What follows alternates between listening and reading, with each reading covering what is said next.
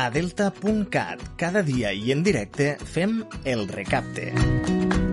En directe per a Deltebre, Sant Jaume d'Enveja, l'Ampolla i Camarles al 107.6 i al 91.1 de la FM. I a internet a través del canal de streaming del portal delta.cat.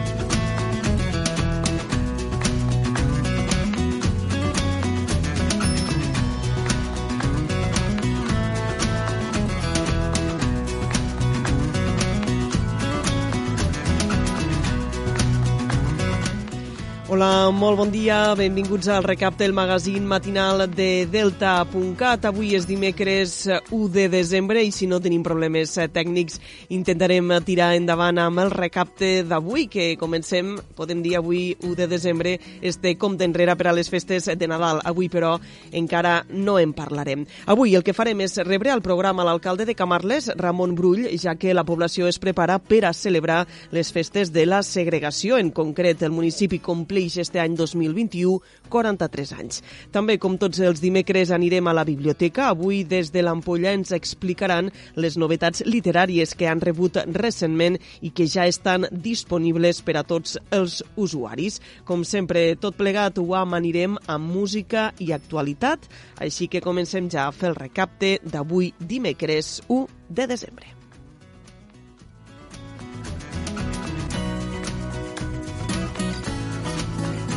Recapte per a la gent del Delta amb Leonor Bertomeu. I, com sempre, comencem el recapte amb el repàs a l'actualitat. Els governs català i espanyol es reuneixen demà dijous per tal de desencallar l'aportació de sorres al Delta de l'Ebre. Serà en la reunió bilateral convocada entre l'Estat i la Generalitat. Cal recordar que l'actuació prevista pel Servei Provincial de Costes preveu una aportació de 385.000 metres cúbics de sorres al Trabucador, la Marquesa i l'illa de Buda. Segons va explicar ahir el delegat territorial territorial del Govern de la Generalitat a les Terres de l'Ebre, Albert Salvador, l'informe d'impacte ambiental ha, ha superat ja el tràmit d'exposició pública que va acabar el passat 18 de novembre i espera que en la reunió de demà dijous el Ministeri pugui ja informar de les previsions que té per a dur a terme l'actuació al Delta de l'Ebre. De ser un, un procés eh, més, eh, més blindat eh, jurídicament eh, ens consta que eh, s'ha anat eh, fent l'informe d'impacte ambiental i finalment se va publicar eh, a finals a mitjans d'octubre i acabava el seu període d'exposició pública el 18 de novembre, per tant 18 de novembre ja es va acabar aquest període d'exposició pública de, de l'avaluació d'impacte ambiental de, del moviment de sorres al Delta i ara ja Eh, estem en aquells dies de descompte en el qual el Ministeri, a partir de els diferents informes de, le, de les 25 entitats a les quals ha demanat informe al Ministeri, eh, acaba de determinar eh, les mesures per tal de eh, fer-ne front a, a, a, a aquests informes i per tant esperem que en pocs dies, jo crec que el dijous ja podrà compartir el Ministeri en natros eh, quina previsió en té i quines mesures incorpora en, lo, en el seu projecte i poguéssim ja d'una vegada per totes eh, garantir el moviment de sorres efectiu el més ràpidament possible. D'altra banda, també els expliquem que l'Ajuntament de Deltebre ha creat una línia d'ajuts per ajudar a empreses i famílies afectades pels temporals. Si bé el nou ajut s'inclou a la modificació de les bases d'ajuts a famílies per al 2022, s'ha inclòs també una modificació a les bases del 2021 per tal de donar resposta a les famílies que han patit les conseqüències del temporal del passat dimarts 23 de novembre. Estos ajuts estan destinats a persones que van patir danys a la seva residència habitual i a les quals l'assegurança França no els dona la cobertura necessària. Així ho ha explicat Lluís Aventura, tinent d'alcaldia de Deltebre Eficient perquè hi ha moltes famílies vulnerables que no tenen la capacitat econòmica per a poder tindre una assegurança o que sí que la tenen eh, i llavors se produeixen estos, estos danys tan tremendos en estos aiguats que han tingut pues, si no s'ocupi l'assegurança o no tenen assegurança pues, d'alguna manera poder-les ajudar. Al ple d'esta nit també es portarà a aprovació un ajut lineal de 100 euros als comerços que es van veure afectats pels talls de carrer provocats pels aiguats. Carlos Serra és el tinent d'alcaldia de Deltebre Projecció aquests ajuts directes pel talls ocasionats a la via pública i als espais públics derivats de les inundacions que vam tenir aquesta passada setmana al nostre municipi. Per tant, s'ha considerat oportú aquesta modificació que es donarà un ajut directe de 100 euros per dia o la part proporcional per a aquells locals comercials pues, que amb llicència municipal que s'han vist afectats per la seva activitat, no les inundacions derivades de les vies i dels espais públics. Més enllà d'esta modificació, el 2022 l'Ajuntament de Deltebre seguirà consolidant les diferents bases d'ajuts que ja s'han anat impulsant al municipi durant els darrers anys, com és el cas de la moneda Eurodelta. Les bases que es duran a aprovació són les d'ajuts als tributs locals, ajuts d'urgència social, els d'incentius per a la dinamització econòmica i millora de la imatge de poble i subvencions per al patrocini publicitari i per al teixit associatiu. També afegim que l'Ajuntament de l'Ampolla ha millorat la capacitat d'emmagatzematge d'aigua al municipi amb la construcció d'un nou dipòsit de 2.000 metres cúbics. L'objectiu d'esta actuació ha estat millorar la capacitat d'emmagatzematge, especialment durant l'època d'estiu, període durant el qual es duplica el consum d'aigua al municipi. L'actuació ha suposat una inversió de 519.000 euros i ha comptat amb una subvenció de l'Agència Catalana de l'Aigua i també de la Diputació de Tarragona. L'Ajuntament de l'Ampolla finançat aquesta actuació amb 266.000 euros. El nou dipòsit, semienterrat de formigó rectangular prefabricat, té una capacitat de 2.000 metres cúbics i s'ubica a la mateixa parcel·la on hi ha el dipòsit actual.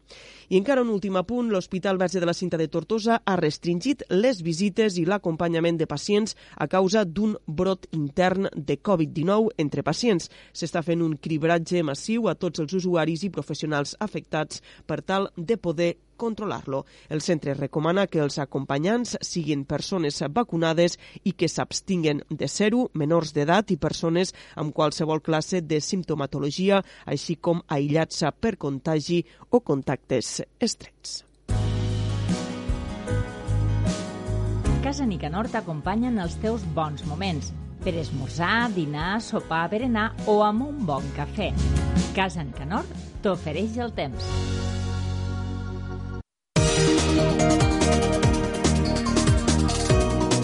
I ara ens ocupem de la previsió meteorològica, com cada matí anem fent al Servei Meteorològic de Catalunya. Carme Farnell, bon dia. Bon dia, de nou tornem a parlar d'una jornada freda, així comencem el dia, sobretot, per exemple, a la Ribera d'Ebre, que ara mateix a Benissanet tenim un grau positiu, en canvi a Gandesa ara mateix en tenim 6 de graus, o bé, si ens anem cap al Canà, ara mateix amb aquests 11 graus, i és que aquí bufa el vent i fa que la temperatura sigui una miqueta més agradable, però cap al nord del sector el vent no és tan destacat i d'aquí que la temperatura hagi baixat. S'espera que al llarg del dia d'avui el vent vagi bufant, s'anirà enfortint i a més també estem a l'espera de que passi un front. Durant el matí deixarà alguns núvols prims, per tant parlarem d'un cel enteranyinat, i de cara a la tarda quedarà el cel mig ennuvolat degut a l'arribada d'aquest front que ens portarà alguns núvols però a la vegada també força trencats pel vent. Sí que podran deixar alguna precipitació més probable cap a la zona de l'interior. Això és tot des del Servei Meteorològic de Catalunya. El temps amb els bons moments de Casa Nicanor.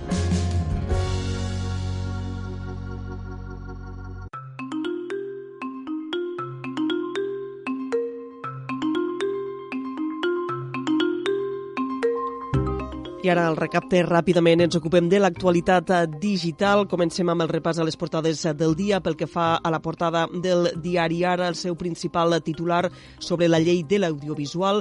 La Moncloa deixa Netflix i HBO fora de la quota de català. El govern espanyol alega que només es pot aplicar a les plataformes radicades a Espanya. Esquerra Republicana avisa Sánchez que si no canvia la llei pot posar en risc els pressupostos de l'Estat. També llegim a la portada de l'Ara, dos nens i els seus pares moren en un incendi en un local ocupat a Barcelona. Anem ara ràpidament amb la portada de La Vanguardia, el seu tema principal amb fotografia inclosa esta, este incendi que es va produir ahir a Barcelona, una família vulnerable mor en un incendi. També llegim Esquerra amenaça de, de vetar els comptes al Senat si no hi ha català a Netflix i HBO i Ayuso pacta amb Vox per aprovar els seus primers pressupostos. Ràpidament al punt avui, la pandèmia soterrada després de 40 anys de lluita contra l'estigma de la sida baixa progressivament el nombre d'infeccions. Cal recordar que avui, 1 de desembre, és el Dia Internacional de la Sida. Pel que fa al periòdico, el seu principal Tema de portada, tràgica pobresa en plena Barcelona. Moren els quatre membres d'una família a l'incendiar-se un local comercial abandonat on vivien i també destaquen a la portada Netflix i HBO queden fora del 6% de quota en català. Anem ara ràpidament als digitals de proximitat. Llegim a aquesta hora a l'ebredigital.cat l'Audiència de Castelló absol els directius del projecte Castor 15 dies després de finalitzar la vista oral a l'Audiència Provincial de Castelló.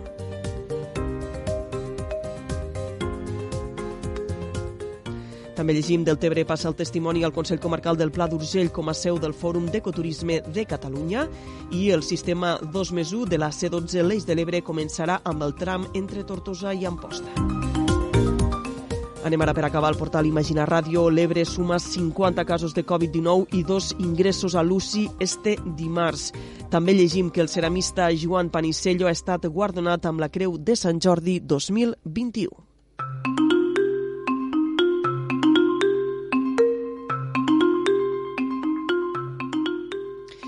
Fins aquí el repàs a les portades del dia, també als de diferents digitals. Fem una petita pausa i tornem tot seguit amb l'entrevista del dia amb l'alcalde de Camarles, Ramon Brull.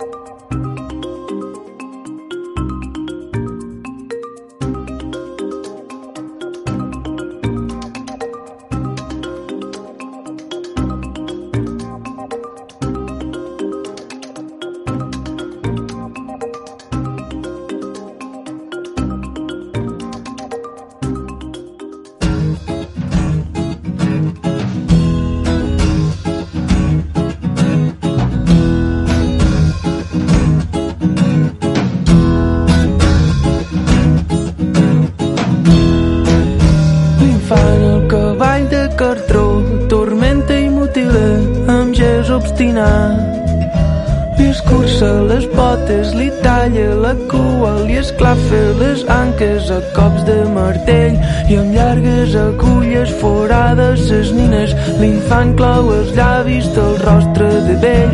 Llavors l'abandona per altres joguines se'n cansa i reprèn el cavall mutilat. Que el vol escapçar-los com bleixa i com sua i brolla la sang invisible. Escapçar-los com bleixa i com sua i brolla la sang invisible. Cavall de cartró tormenta i mutila amb gest obstinat li escurça les potes, li talla la cua, li esclafa les anques a cops de martell i amb llargues agulles forades ses nines l'infant clou els llavis de rostre de vell. Llavors l'abandona per altres joguines se'n cansa i reprèn el cavall mutilat. Que el vol escapçar-los com i com sua i brolla la sang invisible vol escapçar-los com deixen com sue i brolla la sang invisible. Que vol escapçar-los com i com sue i brolla la sang invisible. Que vol escapçar-los com i com sue i brolla la sang invisible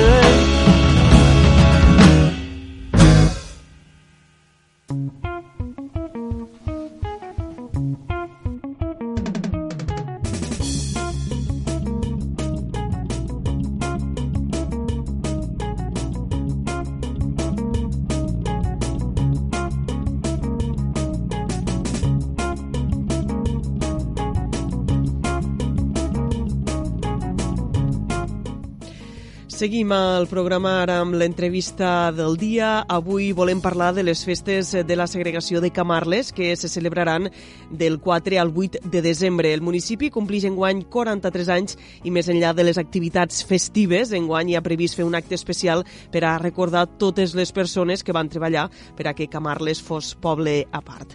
De tot plegat n'anem a parlar amb l'alcalde de la població, Ramon Brull. Bon dia, benvingut. Bon dia, gràcies per invitar-nos.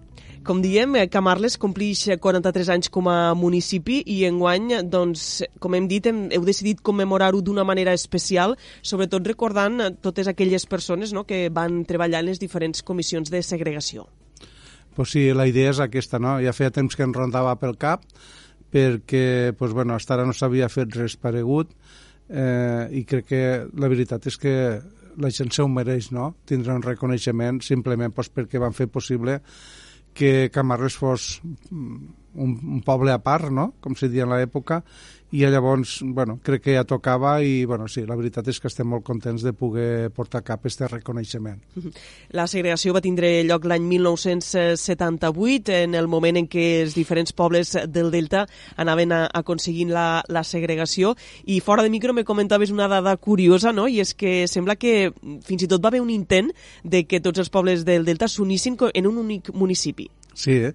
bueno, aquí a, a un llibre que tinc que diu Orígens de la segregació, el periodista que fa aquest llibre ens comenta que en un principi els pobles de la Cava, Josep Maria, Sant Jaume d'Enveja, Montells i Camarles van començar a caminar plegats, no? Per alguna raó o altra pues, eh, això es va desestimar, no? tot i que tenien ja el nom més o menys eh, triat, no? es dia Pobles de l'Ebre o del Tebro. Uh -huh. En fi, bueno, pues, per circumstàncies que no s'explica aquí, pues, van decidir cada un fer la seva, el seu camí per separat, però al cap dels anys van donar en compte que quan això es converteix molt global, no? pues que potser no ha sigut una mala idea. Uh -huh. Bé, eh, en el cas de Camarles, crec que van haver dos intents no?, per aconseguir la segregació. Explica'm una mica quina és la història que sí. coneixeu no?, d'aquest procés de segregació que, que va seguir Camarles. Molt bé, sí, el primer expedient se va realitzar el 1961, que va ser desestimat. Eh, bé, eh, hi ha una sèrie de persones que, que no, excepte de dos que van repetir el 77, que va ser el segon expedient, eh, pues, bueno, els demés van fer un intent de, de segregació, no es, va poder, no es va poder aconseguir, i llavors des del 77 ja es va iniciar més en sèrio, des del casal Camarlenc, eh, s'havia creat eh, eh, dins del mateix casal una secció que es dia l'APA, la Societat de Pares d'Alumnes, eh, i es dia Estudis Familiars a partir d'aquí va ser quan ja es van començar a buscar una sèrie de firmes de, de molts de vins uh -huh. del poble i aquestes firmes van donar poders a una sèrie de persones que són els que van formar la segona junta de segregació, per dir-ho d'alguna manera, que ja va ser l'any 77. També cal re remarcar de que en aquest segons expedient va haver una sèrie de persones que van donar suport en la seva assignatura pues, que eren persones que perteneixien al, a, a l'associacionisme del poble, no? Pues estava cooperativa de l'oli, cooperativa de l'arròs, la secció esportiva, eh, secretari de, dels, eh, dels estudis familiars... Bé, pues esta sèrie de persones, eh, l'alcalde pedani, també en aquell moment, uh -huh. pues va donar suport a aquesta iniciativa i entre tots eh, pues va ser que al final l'any 78 se va aconseguir la segregació, no? estant llavors de governador oh, Graupera. Uh -huh Eh, aquí em caldria remarcar una cosa, no, no tan sols, crec que aquí nosaltres com a Ajuntament sí que fem reconeixement a aquestes persones, però crec que a part del governador d'aquell temps, que era el Francesc Robert Graupera, va hi haver un altre governador i un periodista que va ser molt important, per a mi crec que claus, no?, al començament, uh -huh. que va ser un governador, exalcalde de Mataró, que li diuen Agustín Castejón Roy, uh -huh. eh, que era una persona molt oberta democràticament en aquelles èpoques, i aquí hi ha una petita anècdota que s'explica al llibre, que en una d'aquestes juntes de segregació, quan fan les juntes eh, de nit, eh, a un se li, quan se va eh, se'n van enterar el nomenament d'aquest governador, eh, hi ha una frase molt, molt especial que diu nois, la segregació està a la vista. Uh -huh. Això Vol dir pues, que en aquells moments allò es va donar un xute d'emoció, de, no? un xute uh -huh. d'alegria, i sí que al finalment va ser Robert Graupera qui ho va portar-ho cap, però Robert Graupera, teníem un periodista eh, que va ser en aquell temps, va ser eh, a veure com dir-ho, va ser responsable del gabinet de premsa del govern civil a Tarragona, uh -huh. el periodista li diuen Antoni Panadès, uh -huh. i llavors aquest senyor eh, li va explicar de primera mà a Robert Graupera la problemàtica dels pobles del Delta eh, bé, això també va incidir en que se prengués en especial interès per les problemàtiques que teníem aquí los, poble, los pobles que en aquells moments volíem segregar de Tortosa. Uh -huh. Tu ara parlaves de les problemàtiques que tenien els pobles del Delta. Eh, és evident no? que m'imagino que Can Marles, com la resta de, de pobles del Delta que, que van iniciar aquest procés de segregació, doncs patia segurament un dèficit en serveis molt importants. No? Quina era la situació de Can Marles, això, a finals dels anys 70, quan s'impulsa este, este procés definitiu de segregació?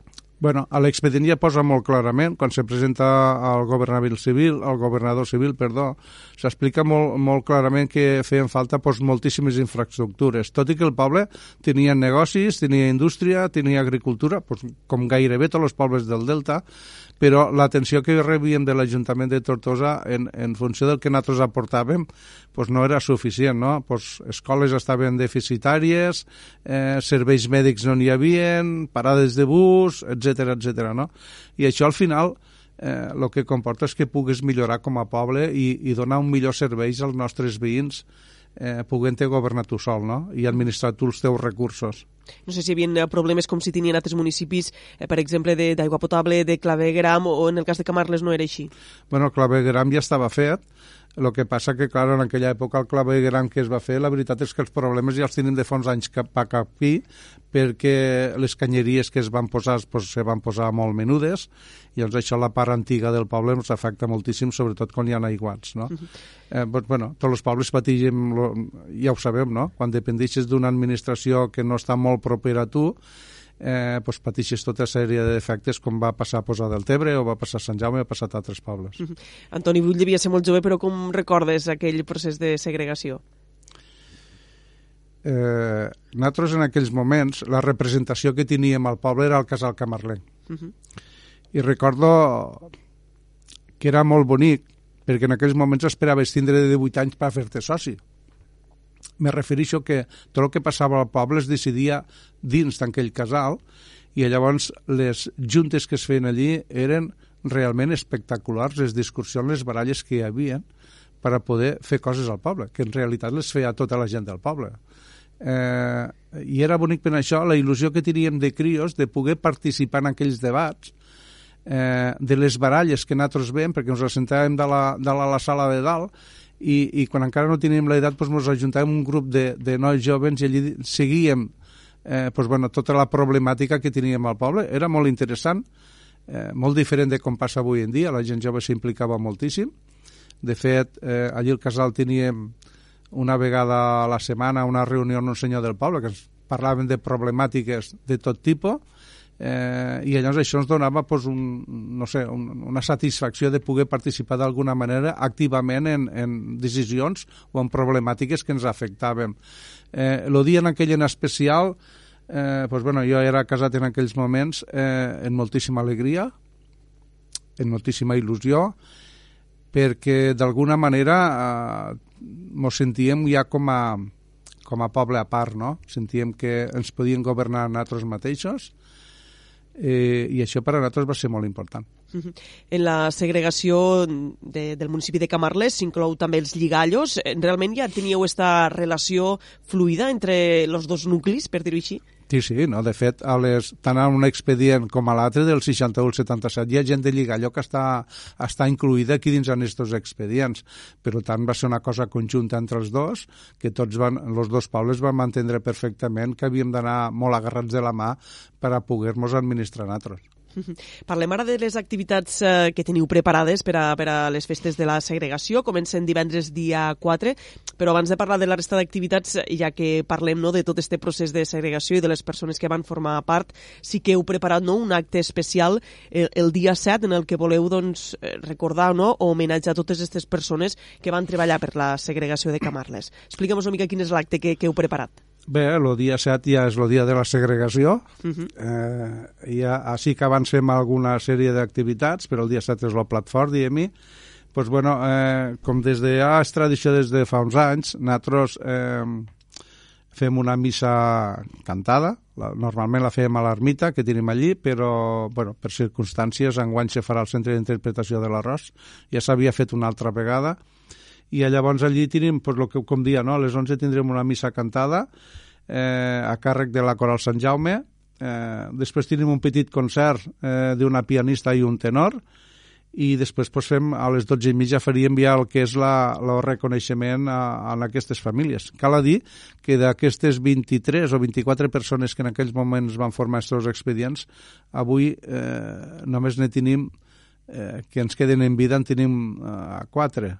Eh, per tant, eh, les famílies hi seran presents, estan invitades, ja se'ls ha, enviat, eh, se'ls ha notificat per carta la seva invitació, i llavors, pues, bueno, eh, el que et dia, no?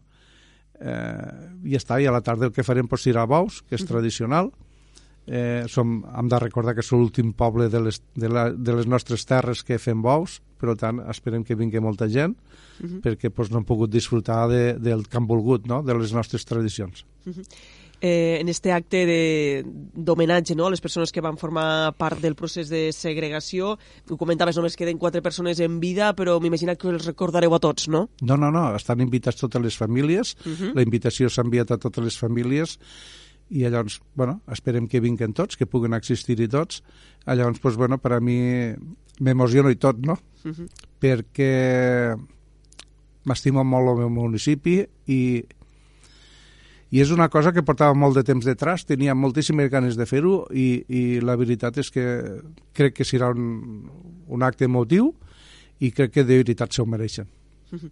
Parlem ara també, ara mos comentaves, eh, de, de les activitats tradicionals en bous que a Camarles se celebren sempre en motiu de les festes de la segregació i per això sou l'últim municipi de les Terres de l'Ebre en fer bous i podem dir que hi ha un, una programació extensa no? en, pel que fa a l'activitat taurina en aquestes festes de, de la segregació.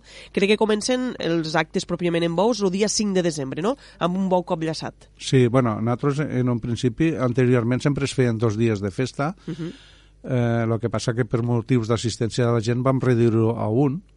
Llavors pel matí se feia un bon volat eh, bueno, tot el que fem el dia 7 eh, se concentrava tot allí. Tots els bous i actes institucionals se concentraven el dia 7 passa que enguany mm, al ser el primer bou i l'últim que farem de bou a Capllaçat a les Terres de l'Ebre des de l'agrupació de penyes i comissions taurines van creure oportú van proposar de fer un dia que fos bueno, que fos a festa pues un, que fos a diumenge per eh, bueno, pues perquè pogués uh -huh. la gent del territori pogués estar uh -huh. i aprofitar pues, per a fer llegir un manifest i llavors ser un acte reivindicatiu de, dels bous a, la, a les nostres terres. bueno, eh, de fet, se va fer així per això, no? Eh, llavors, pel matí et dic, tindrem el bou capllaçat, on se, la comissió farà, la comissió i agrupació de penyes faran una lectura d'un manifest, després tindrem, per la tarda ja tindrem bous a la plaça, i després a la nit pues, el bou embolat tradicional, no? Uh -huh. Hem de dir que enguany no s'han pogut celebrar no, les festes amb bous tal i com estem eh, avesats a fer-ho, per dir-ho així. Esta plaça de bous serà el mateix sistema que s'ha fet servir estiu, aquestes places portàtils amb entrada controlada, o, o ja no? Ja no. ja no hi ha restriccions? No, no hi ha restriccions en aquest tema, tot i que ho controlarem nosaltres. Eh, la, la, plaça, la plaça serà la tradicional que tenim sempre, hi ha un, pues, bueno, està formada per un ballat i després les carretes que s'hi vulguin posar pues, estan invitades. Evidentment, en aquestes èpoques no es posa tantíssima gent com se posa a l'estiu, és evident. Però, bueno, lo tancat està fet igual i llavors la plaça ja no serà llogada, ja no serà de ferro, sinó serà lliure. Eh, pues, bueno, esperem que hi hagi activitat, esperem que vingui gent, perquè, com dia, pues, són els últims vols que es fan a l'any i no els han pogut disfrutar en tota la seva plenitud que s'han volgut, no? No, perquè festes de Camarles, crec que no, des de l'Ajuntament vau, vau, les festes majors a l'estiu vau limitar molt no, les activitats a fer perquè la situació de la pandèmia era una altra. Sí, sí, no, clar, és que a més ens obligaven a tindre els accessos controlats. Llavors això es van tingué de buscar places portàtils i llavors per mediació de controls pues, bueno, van poder controlar l'accés a l'accés dins de la plaça. Eh, també voldria agrair a les comissions taurines de, tant de Camarles com dels Lligallos que se'n van fer càrrecs ells de les activitats, o sigui, de, de promoure i portar a cap el que és l'activitat la, taurina aquests dies de festa major.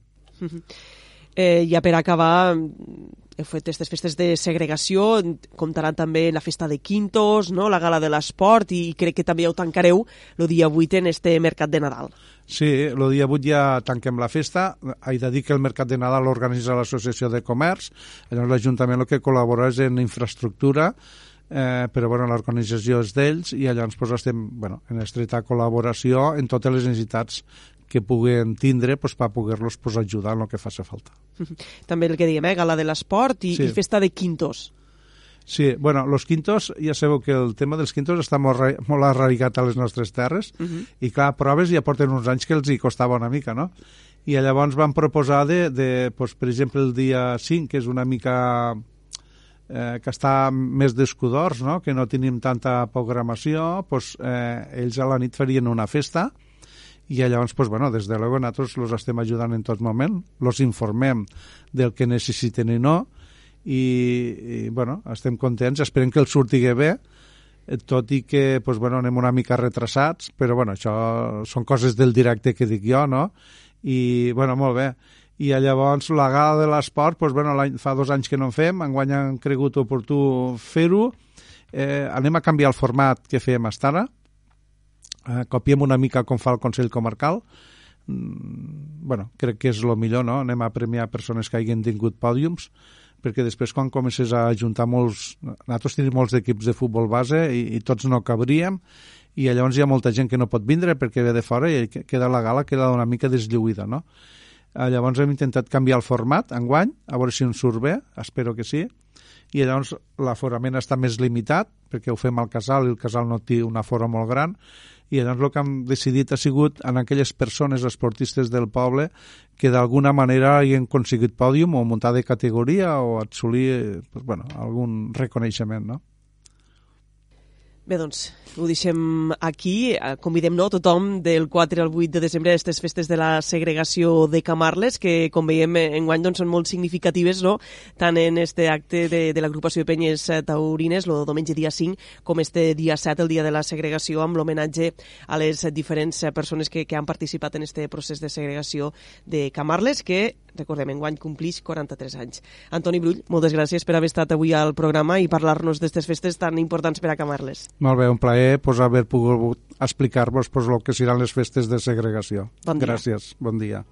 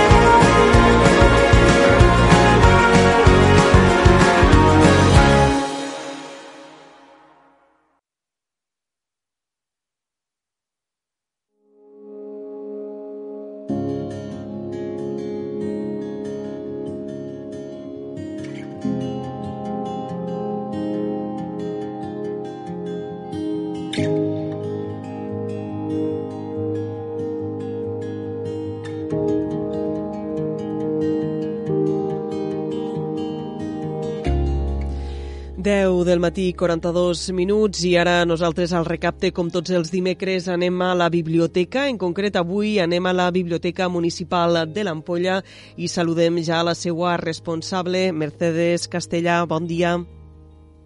Bon dia. Comencem, eh, avui t'hem trucat una mica perquè ens expliques no, les novetats literàries que heu anat rebent a, aquí a la Biblioteca de l'Ampolla. Explica'ns, Mercedes, eh, heu rebut llibres per a tots els públics no, a, a la biblioteca? Sí, per a tots, per a tots. Aquí tenim des de les últimes novetats en novel·la, eh, novel·la històrica, eh, novel·la ciència-ficció, eh, novel·la negra o novel·la romàntica, per a tots els gustos, i després rebem quantitat de contes infantils i uh -huh. per a famílies, com educar els fills o l'art perdut d'educar que diu aquí, novel·la en català, novel·la en castellà, uh -huh. guies, de tot, de tot. Molt bé, Mercedes, si et sembla, repassem alguns dels títols que heu incorporat al fons de, de la biblioteca. Si et sembla, comencem de, això, per a novel·la per a adults, tant en català com en castellà. Quins són els nous títols que podem trobar a la Biblioteca de l'Ampolla? Pues mira, ara mateix tenim la última de la Carmen Mola, La Bèstia. Uh -huh. ah, sí que està, eh, ha estat molt de, de moda. Que, sí, el que Follett, Nunca, uh -huh.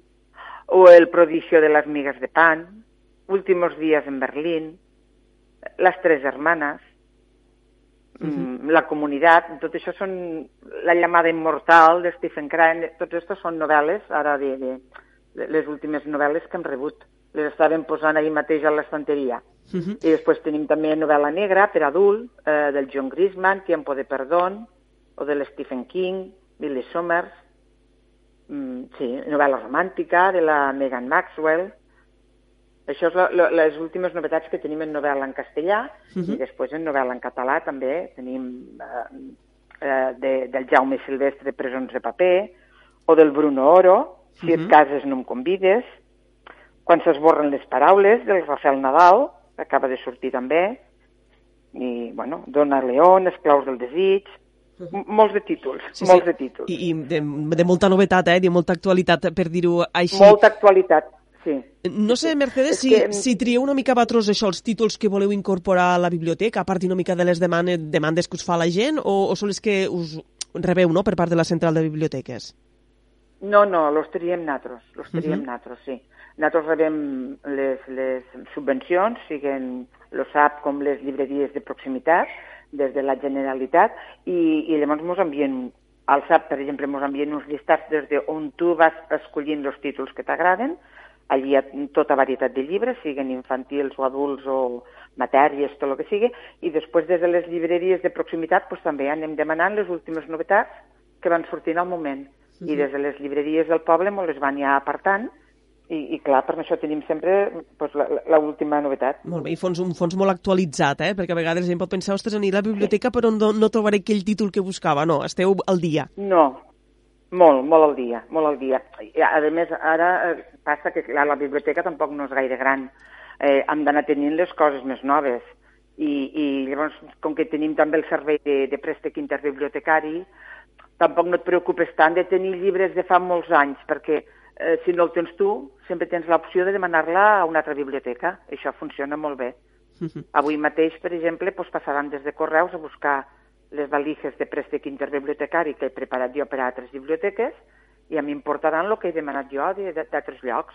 I llavors la gent sempre té el llibre que vol perquè si no el tens tu, el pots demanar on vulguis. És un servei molt, molt interessant. Mercedes, hem repassat molt. les novetats que teniu en uh, novel·la en castellà, novel·la negra, novel·la en català. No sé si també heu incorporat títols perquè fa això al públic més infantil i juvenil. Sí, al, al públic infantil i juvenil n'arriben molts també, molts. De, de, de contes infantils, la veritat és que tenim una gran varietat, igual mm. per a 0 a 3 anys, com de, de, de 4 a 6, com de 7 a 8. Vull dir, molta varietat perquè n'arriben constantment. I el Museu Animal, les Paraules Màgiques, Demà marxem cap a Mart, o, o, o l'Ot i el Bruixot i el Borinot, vull dir, tots són títols de, de, d'última hora I, i la secció juvenil també està molt actualitzada, molt, molt. Rebem, la veritat és que rebem moltes coses i molt maques, molt. Suposo que el públic infantil deu ser un dels grans usuaris no, de la Biblioteca de l'Ampolla. Sí. Quan venen sempre pregunten quants me'n puc emportar, perquè sembla que se'ls emportarien tots. Llavors, clar, a l'hivern no tenim tant de problema, perquè si un crió s'emporta eh, 6 o 7 contes no passa res, perquè a la setmana te'ls tornen i no hi ha tanta població. A l'estiu ho retallem una miqueta més perquè, clar, hi ha moltíssima gent i es pensen que estan a Barcelona de vegades i surten una panera plena de contes. I els hem de dir, no, tants no, n'heu de deixar uns quants perquè la biblioteca no és tan gran i si tots els crios que vinguessin s'emportessin aquesta quantitat de contes no n'hi haurien per a tothom. Però la veritat és que sí, que tenen molt d'èxit, molt d'èxit perquè són contes molt nous i molt macos, molt macos. Bé, hem, hem repassat amb Mercedes Castellà les novetats de la biblioteca de, de l'Ampolla, les novetats que heu incorporat recentment. Ja, ja saben, eh, les persones usuàries que estan al dia amb títols molt actualitzats. Recordem una mica, Mercedes, on esteu i també l'horari, no?, per, per a la gent que, que pugui acostar-se a la biblioteca de l'Ampolla. Sí, doncs mira, estem a l'Avinguda Sant Joan, eh, sense número, estem baix de les, de les torres d'estes Berenguer, diguem de cara -huh. donant a, a, a la via, i bueno, és un lloc molt maco, un espai molt agradable, i l'horari al públic obrim de les 9 a la 1 i de les 4 a les 7 de la tarda, de dilluns a divendres. Aquesta és l'obertura al públic. Molt bé, doncs eh, tothom que prengui nota d'este horari de la Biblioteca Municipal de l'Ampolla. Li agraïm moltíssim a Mercedes Castellà, la seva responsable, que avui hagi estat al programa per explicar-los per explicar-nos totes les novetats que han anat rebent a la biblioteca. Mercedes, moltes gràcies. A vosaltres. Bon dia. Bon dia, bon dia.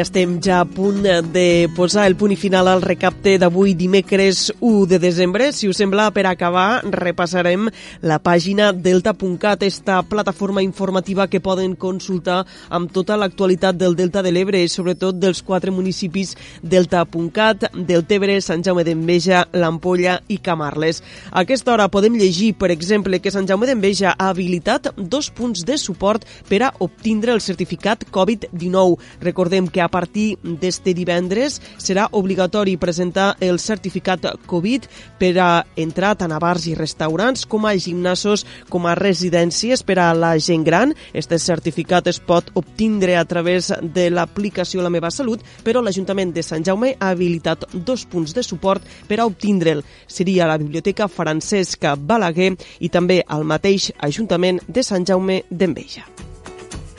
I una altra notícia que podem llegir a aquesta hora al portal delta.cat, doncs que denuncien un pescador de Deltebre per tenir calats més cadups dels autoritzats per a, per a capturar pops. Una inspecció de pesca i de la Policia Marítima dels Mossos va detectar 2.574 arts, més del doble de les permeses. I bé, amb el repàs a alguns dels titulars de Delta.cat, posem el punt i final al recapte d'avui dimecres 1 de desembre. Com sempre, els hem fet companyia entre les 10 i les 11 del matí i demà hi tornarem a partir de les 10 al recapte. Que tinguem molt bon dia.